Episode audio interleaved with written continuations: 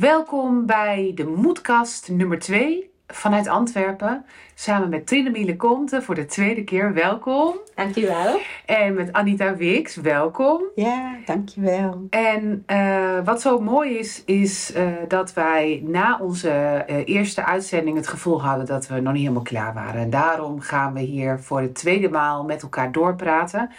Um, Trinomie, uh, jij weet hoe het is om uh, ja, in een relatie te zitten waarin dwingende controle wordt toegepast. En eigenlijk een hele gevaarlijke relatie waar geen fysiek, direct fysiek geweld uh, plaatsvond. Maar daarin kunnen we hopelijk heel veel leren over hoe kunnen we het signaleren. En nou, wat, wat helpt nu om het keerpunt te maken, om het verschil te maken. Ja.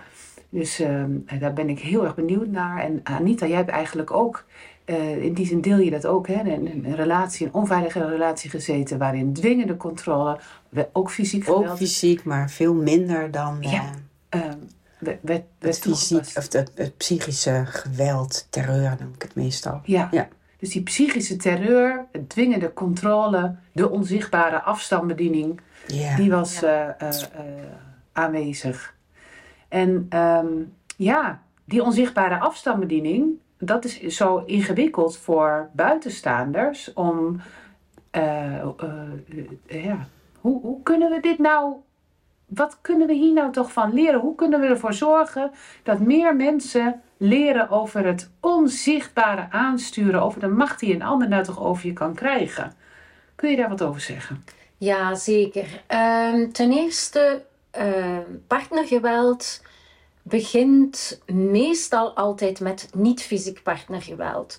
Er zijn heel weinig relaties die vanaf dag één fysiek gewelddadig zijn. Dus sowieso, het begint met niet-fysiek geweld. Emotioneel geweld, je afpersen, switchen tussen heel liefdevol gedrag en, en bruut gedrag. Hè, dat geswitcht, dat brengt je heel erg in de war. Je angst inboezemen enzovoort.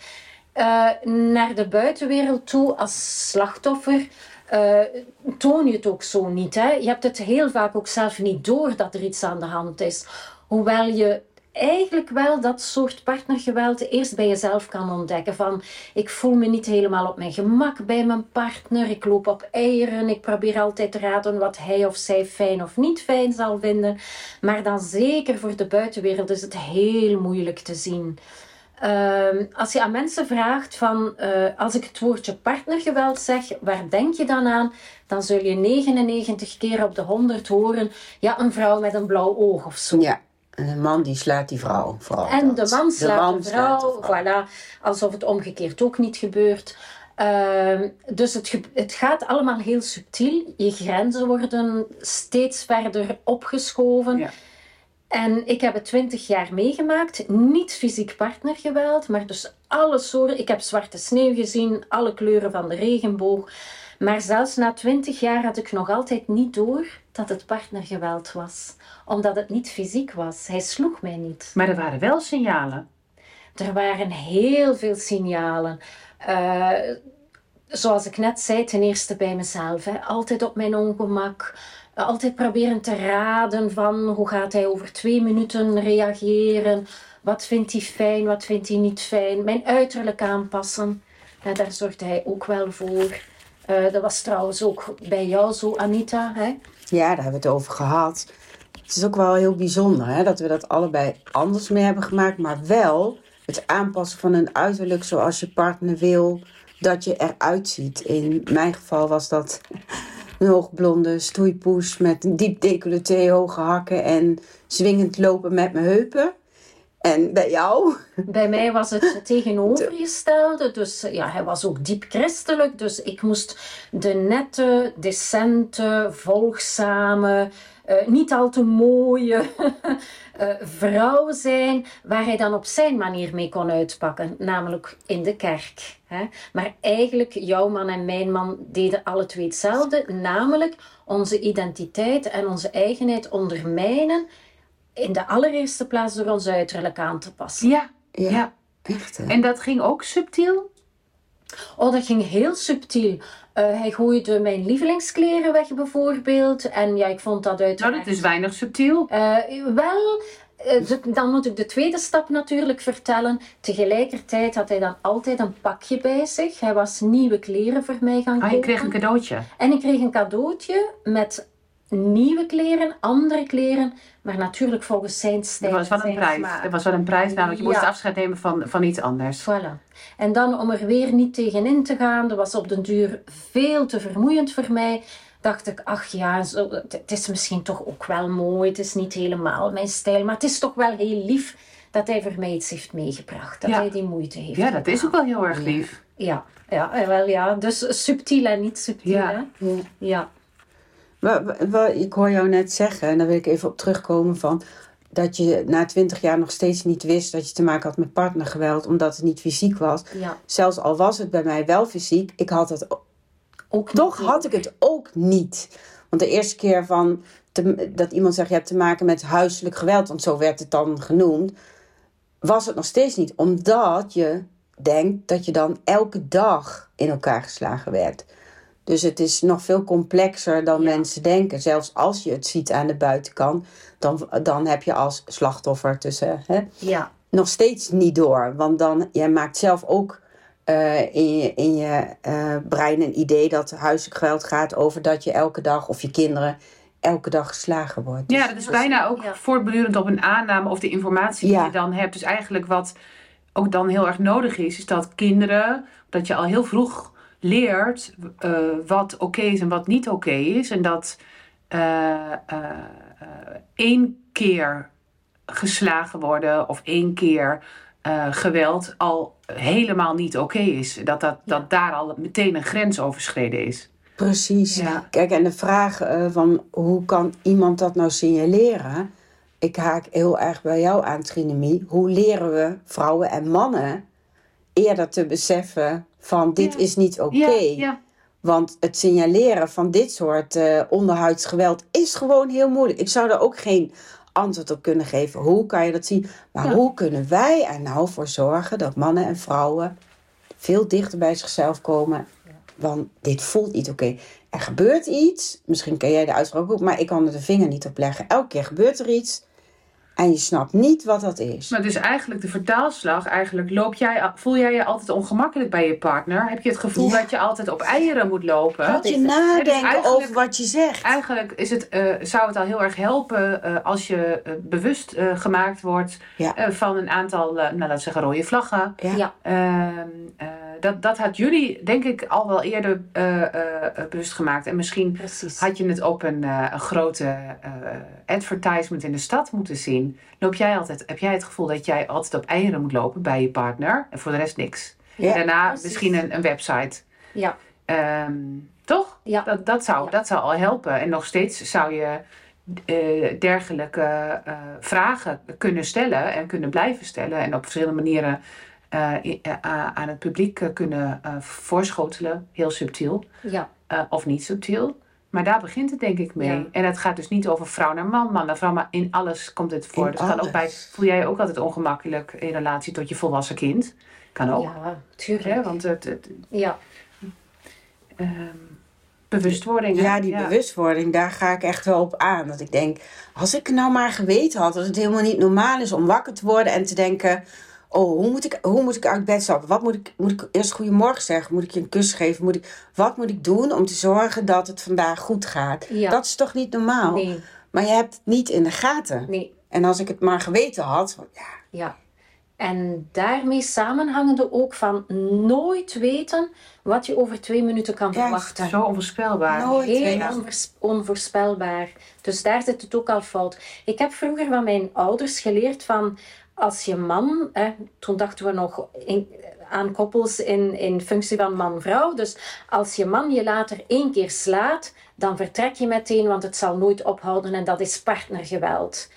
Dus dat heb ik wel van mijn ouders geleerd. En had mijn man mij maar geslagen, denk ik altijd, want ik zou na één keer zijn vertrokken. Maar al die dingen die gedurende die twintig jaar zijn gebeurd, ja, na twintig jaar had ik het nog niet door, omdat ik het bewustzijn niet had van als je je, on- je op je ongemak voelt, je verandert jezelf, je, bes- je denkt dat je zelf beslist om je vriendinnen minder te zien, om je, om je familie minder te zien. Je denkt dat dat je eigen beslissing is, maar eigenlijk wordt het aangestuurd. Hè, Door de onzichtbare afstands- afstandsbediening. De Ja. afstandsbediening. Dus altijd op eieren lopen, op je ongemak zijn, op een andere manier praten. Steeds meer de verwijderd andere van je, van je, ja, van je authentieke zelf. Ja, ja, absoluut. Ja, en dat, dat, dat, dat herken jij ook, hè? Niet? Ja, alleen bij mij vroeger thuis is überhaupt nooit over dit onderwerp gesproken. Dus daarom wa- was voor mij huiselijk geweld gaat echt over elke dag Ja. klappen krijgen. Dat was jouw Dus aanname. ik, mijn aanname, weet je, dus daar herken ik het wel, maar er is bij ons nooit over gesproken. Bij jou Dit wel. En, subtiel Ja. en, Ja. en, en juist. eh, ehm, eh, maar weet je, eh, toch is er dan ook een, een factor dat je als. vanuit jullie perspectief, dat je het goed wilde doen, dat je aardig gevonden wilde worden, dat je het conflict, eh, koste wat het kost, uit de weg wilde gaan. ah, ik wel, absoluut. Pleasen. Ik Top- zekere hoogte wel. Plus natuurlijk, als je, als je een partner hebt, getrouwd of niet getrouwd, je hebt een partner, dan vind je het ook normaal, en het is ook normaal, van je best te doen, van niet op alles eh slakken zout te leggen, van niet alles eh, te gaan opblazen, van vergevingsgezind te zijn. Het hoort ook zo. Maar het hoort natuurlijk langs beide kanten zo te zijn. Dus en je verwacht ook niet dat je partner, hè, in, intieme terreur, zo wat wij hebben meegemaakt, dwingende controle, je verwacht ook helemaal niet dat je partner dingen met opzet doet en, en alles op voorhand plant om je te kleineren, om je te isoleren enzovoort. Dus je ziet het ook niet.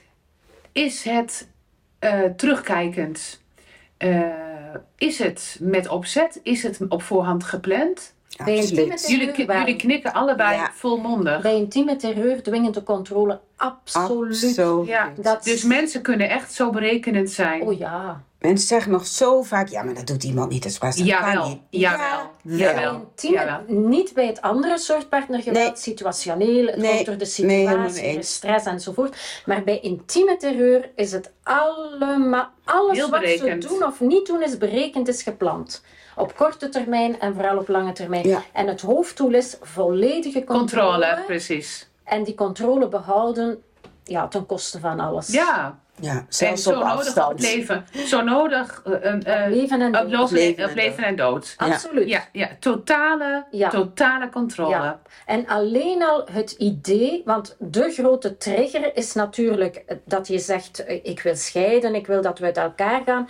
Maar het hoeft zelfs dat nog niet te zijn. De angst van zo'n intieme terrorist, zoals die dan genoemd wordt. MV, eh, MV, ja, MV. is, is dat je zou vertrekken. Maar het kan alleen al het idee zijn, de angst zijn dat je zou willen vertrekken. Dat is een enorme trigger. En dan kan het soms op leven en dood gaan, ja. Van ik kan jou niet hebben, maar niemand zal jou Exact. hebben.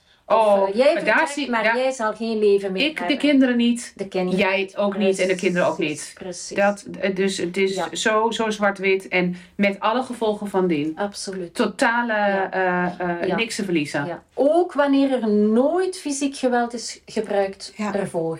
Wanneer al die eh, tekenen er zijn. Ja, dan van krijg je dus dwingende dat schema met, met, met femicide, Ja, waar je, die, trap, die trap die je dan oploopt. Ja. Absoluut, ja. Ook bij niet fysiek geweld.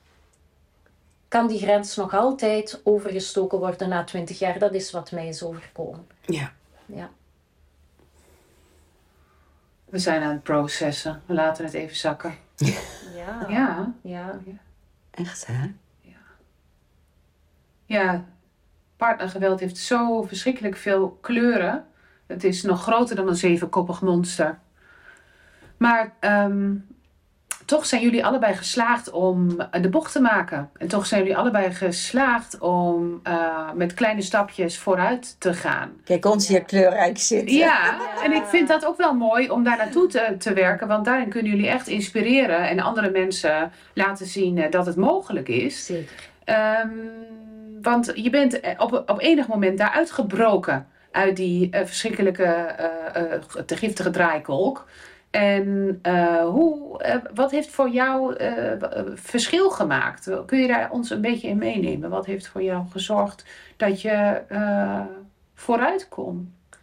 Heel veel dingen uiteindelijk, maar het allereerste was dat ik op zoek ging naar mijn identiteit.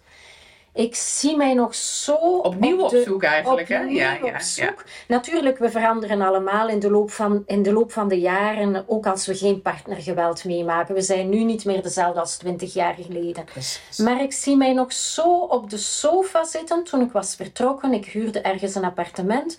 En ik zie mij daar nog zo zitten, luidop tegen mezelf te zeggen: Ja, Trinimie, maar wie ben jij nu? En dan ben ik echt op zoek gegaan naar wie ben ik, wat wil ik nog, behalve gelukkig zijn. En dat is bij mij begonnen met mijn uiterlijk. Hè, Veel mensen zeggen altijd van, ah, het uiterlijk is niet belangrijk. Wel, in zekere zin is het, misschien is het Het is ook niet, onbela- het is ook niet ook onbelangrijk. Precies. Ja. En toen ben ik op zoek gegaan naar hoe wil ik eruit zien. Dus dan ben ik op zoek gegaan naar welke kleuren vind ik mooi, welke kleren wil ik dragen, wil ik make-up of niet, wil ik oorringen of niet, wil ik mijn haar kort of lang. Anita knikt. Anita Ja. knikt. Hè? En bij jou denk ik is het ook wel zo gegaan. Hè, Je uiterlijk was ook belangrijk. Ja, maar ik heb daar zes jaar over gedaan. Dus uit de opvang Wie ben ik? dacht ik, Ja. dacht ik van ik ben die persoon die ik geleerd ben om te zijn.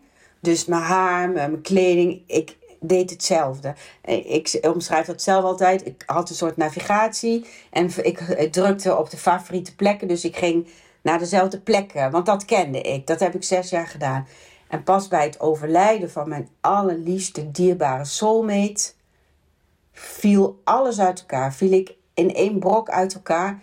En toen, toen ben ik me gaan opbouwen. En toen dacht ik, waarom feun ik mijn haar?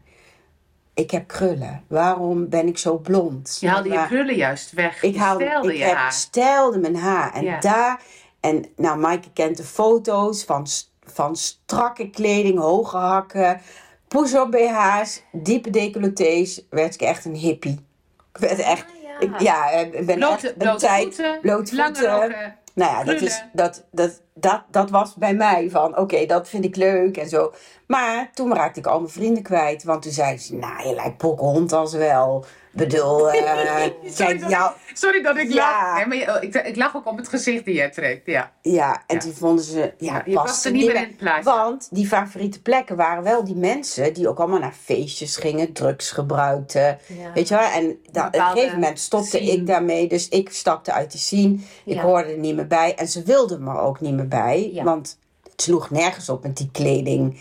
Dus, nou ja, en daar is het proces begonnen bij mij. Ja, Wie wil ik loslaten nou van je oude ide- identiteit. Ja. Heeft tijd En nodig. transformatie naar het nieuwe. En daar hebben Trine en ik het over gehad. Dat doen we allemaal op onze eigen wijze, Ja. op onze eigen manier en onze eigen tijd. Ja. Want wij zij vinden allebei, dus wij kunnen nooit zeggen, zo moet je dat doen. Dit is het zeven stappenplan om je beter te voelen. Het is zelf voelen, hoe wil ik dit ervaren. Wij kunnen wel zeggen, zo heb ik dat gedaan. Ja. En dan kun- kan een ander voelen, oh, misschien is dat ook wel wat voor mij. Nou ja, want ik kan me ook voorstellen als je zo lang in een relatie hebt gezeten, dat is dan een onderdeel van je identiteit. Als je dat achter je laat, eh, dat, dat is, eh, eh, ja, dan voel je je best verloren, kan ik me iets bij voorstellen. Dus je zult inderdaad die brokstukken weer onder ogen moeten zien en kijken van wat neem ik mee, wat resoneert en wat niet. En daarin ja, bouw je dus weer een nieuwe versie van jezelf op. Ja. En dat is ook weer continu in ontwikkeling.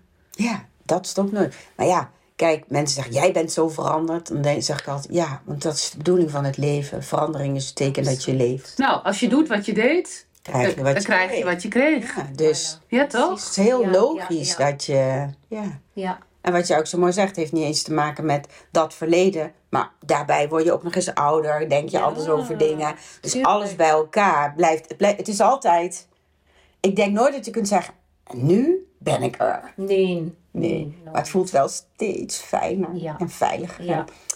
Heerlijk als Ja. je kunt eh, zijn. eh, Het is eigenlijk een periode van herstel, hè? Oh ja. Het is bijna revalidatie.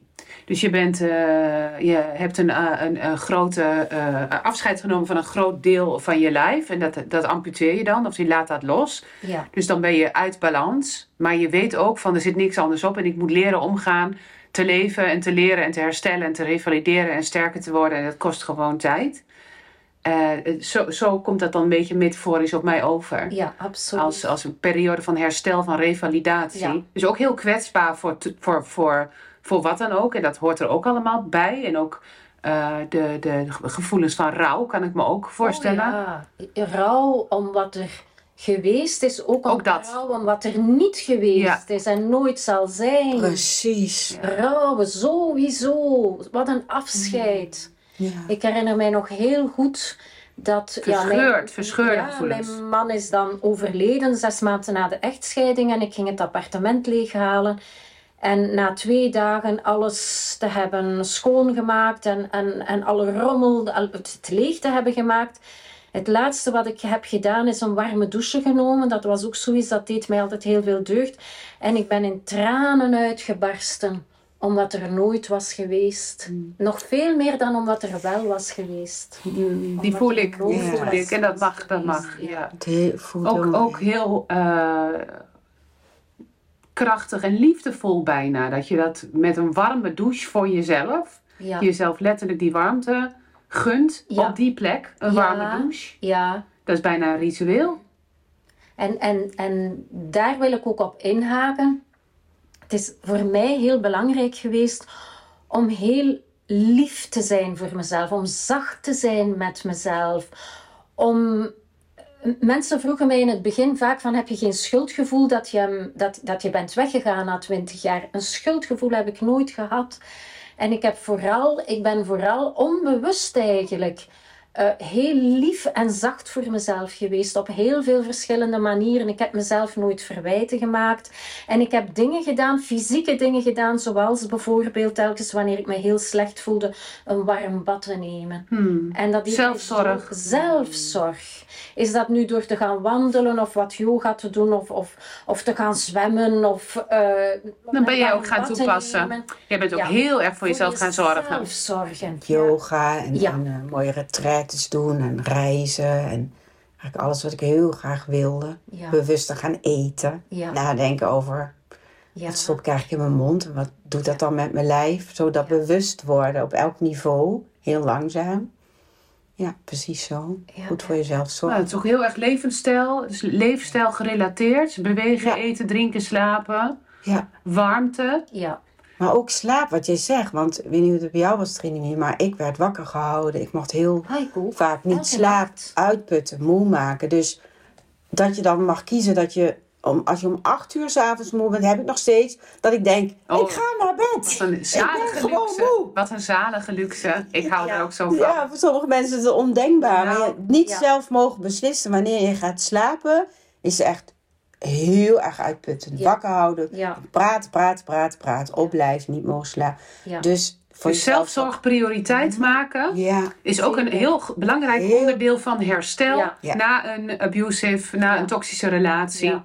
Uh, überhaupt van er- herstel. Dat is, belang, dat is echt belangrijk op, op die onderdelen. En heb je ook zelf eh, hulp gezocht bij een therapeut? Ja, op aanraden van onze beste gemeenschappelijke vriend. En ik kwam bij de therapeute en ik legde het uit gedurende twee uur. En toen zei ze van, ja, ik heb hier al heel veel gehoord, maar zo'n vreselijk verhaal heb ik nog nooit gehoord. Maar ik ben twee jaar bij haar gebleven. Zij heeft mij enorm geholpen. Dus ik denk dat sommige mensen er op zichzelf kunnen uitgeraken, maar dat we nooit moeten twijfelen om hulp in te roepen. Dat lijkt mij heel Eh, verstandig. ofwel door de omgeving, familie, vrienden. Ik, ik denk altijd van de meeste mensen kennen minstens één persoon die er voor hen kan zijn. ja. precies. Eh, en vaak dat kun je voor helpt elkaar ook betekenen. professionele Dat, ja, dat kun je voor Omdat je daar ook inzichten krijgt. Je leert ook goed voor jezelf Mhm, zorgen. Je leert wel relativeren, maar niet te veel. Eh, Je mag nooit te veel relativeren. En je leert ook dingen zoals... Geloof niet alles wat je denkt. Ja. Want die negatieve stem, die heeft iedereen, denk ik, die uit partnergeweld komt. Je bent lelijk, je kan niks, je bent dom, je bent idioot, je bent eh, wat het ook allemaal is. En je luistert naar je stem en je denkt dat dat je eigen stem Ja, dat is. heb Maar eigenlijk is dat de stem van je ex-partner Ja. of nog van andere mensen die al die lelijke dingen over jou zeggen. Dus dat helpt ook als je dan bij een therapeut of therapeuten gaat, dat je die dingen ook leert. Van, ja, maar En dat je alles- je eigen stuk Ja. dus daarin meer voeding geeft. En daarin eh, dus ook andere keuzes kunt maken dan, je, eh, dan die stem leidend te laten zijn. Dan die negativiteit leidend te laten Ja. zijn. Maar dat Ja. is een werk van zeer... Ik weet niet hoe Dat dat, is lang. bij Ja, hè? Adem. Nog Ja, steeds denk ik, ik- wel. Ja, want, Ja. Als je, want ik vind het zo mooi, die, eh, die afstandsbediening. Eh, dat zelfs als je daaruit bent, eh, dat voorbeeld, misschien heb, ja, dat ken je wel, dat ik in de vrouwenopvang was, dat ik ging stofzuigen en dat ik het snoer niet had uitgetrokken. Terwijl hij altijd zei, je moet het hele snoer uittrekken, want het is slecht voor de stofzuiger. En dan was ik aan het stofzuigen en dan dacht ik, oh, ik heb het snoer niet uitgetrokken. En dan ging ik dat doen en zei ze, wat doe jij? Ja, dat moet, want... Dus die, Trigger, ja. die, dat op afstand, terwijl je eruit bent, Ja, nog steeds zit die stem, hoor je Hoor hem je dat stem. zeggen dat je dat moet doen en dat je in paniek raakt. Dus ja, dat, daar heb je heel, daar heb je heel, ik, en ik heb het nog. Ik heb het nog wel eens dat ik denk, oh ja, ja, hoor ik het nog. ja. En kun je dan nu ook denken, aju, ik ga Ja. er niet op in. Ja. De groeten. Als ik achter, als, als ik achter een auto sta, gebeurde van de week nog, achter zijn auto sta, achter zo'n auto, dan voel ik het alles. Dan schrik ik nog steeds. Ah ja. En mijn kinderen ook, daar hebben we het altijd over. ja. Als we achter die auto Dat staan, type dan- auto. dat type auto, die kleur, weet je. de- de- en van de week stond ik erachter en dan denk ik, oh ja, echt. Maar dan kan ik heel goed nu zeggen, het is een hele andere auto, weet je. Ja. Let it go, dat doet, dat- je hoeft er niet van te schrikken. Maar toch heel even dat Haakt gevoel. die nog eventjes. Heel even, ja. ja. Ja, het, heeft, eh, het draagt diepe sporen met zich mee. Je hebt het achter je gelaten, maar het, eh, je kunt het nooit helemaal wegmaken. Nee, en dat zeker. hoeft ook niet. Dat, dat Nee. is ook niet. Weet je, je hebt al zo'n enorme reis doorgemaakt. Je hebt al zo ontzettend veel. Eh, het, ja, je bent echt getransformeerd in een nieuwe, Ja. nieuwe wortels gemaakt en doorgegroeid en nog steeds. En ik hoop ook echt dat we hierin weer wat zaadjes kunnen bieden, wat zaadjes Zeker. planten voor ja, eh, professionals, voor omstanders, voor hulpverleners, voor mensen die denken, oh, dit komt mij wel heel erg bekend voor. Want eh, ja, het is echt dichterbij dan je denkt. Dat merken wij ook natuurlijk in ons werk en met de mensen die we spreken. Maar de schaamte moet eraf. Taboe moet eraf. Zeker. En we willen heel graag allebei, hè. Jij ook natuurlijk, Maaike, maar wij als, als eh overleefd, zullen we maar zeggen, hoop bieden. Want er, er is zo'n mooi leven wat je nog te wachten staat als je erin gelooft. Als je die hulp zoekt. Als je, maar de, het is er wel. Ik bedoel, Absoluut. en we, kunnen, we zeggen allebei niet, oh ja, als wij het konden, kan jij het ook. Maar wij vinden het wel heel belangrijk om die hoop te geven dat het echt kan.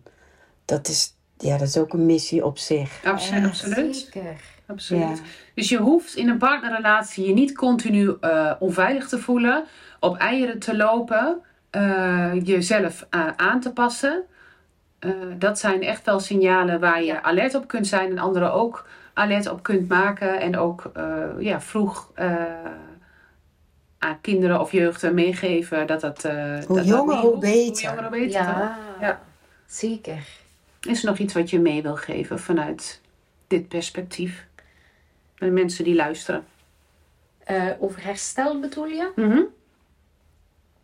Er zijn heel veel dingen die kunnen helpen. Ehm, maar vooral inderdaad echt dat positivisme, ondanks alles blijven behouden van er is nog een leven na partnergeweld. Het kan wel opnieuw mooi worden, met of zonder nieuwe partner. Want er zijn dan vaak mensen die dan al meteen pushen van... eh, hè, je moet opnieuw op zoek gaan naar de liefde en zo. Maar je kunt perfect gelukkig zijn op je, op je eigen, op jezelf, met een ander soort relatie, zonder relatie, met vrienden, vriendinnen. Je bent niet alleen. Het, Je bent het kan. niet alleen, je kunt je bent- dit en je ja. bent niet alleen. Precies. En je kunt opnieuw die rust vinden, geluk vinden, geluk vinden in heel kleine dingen.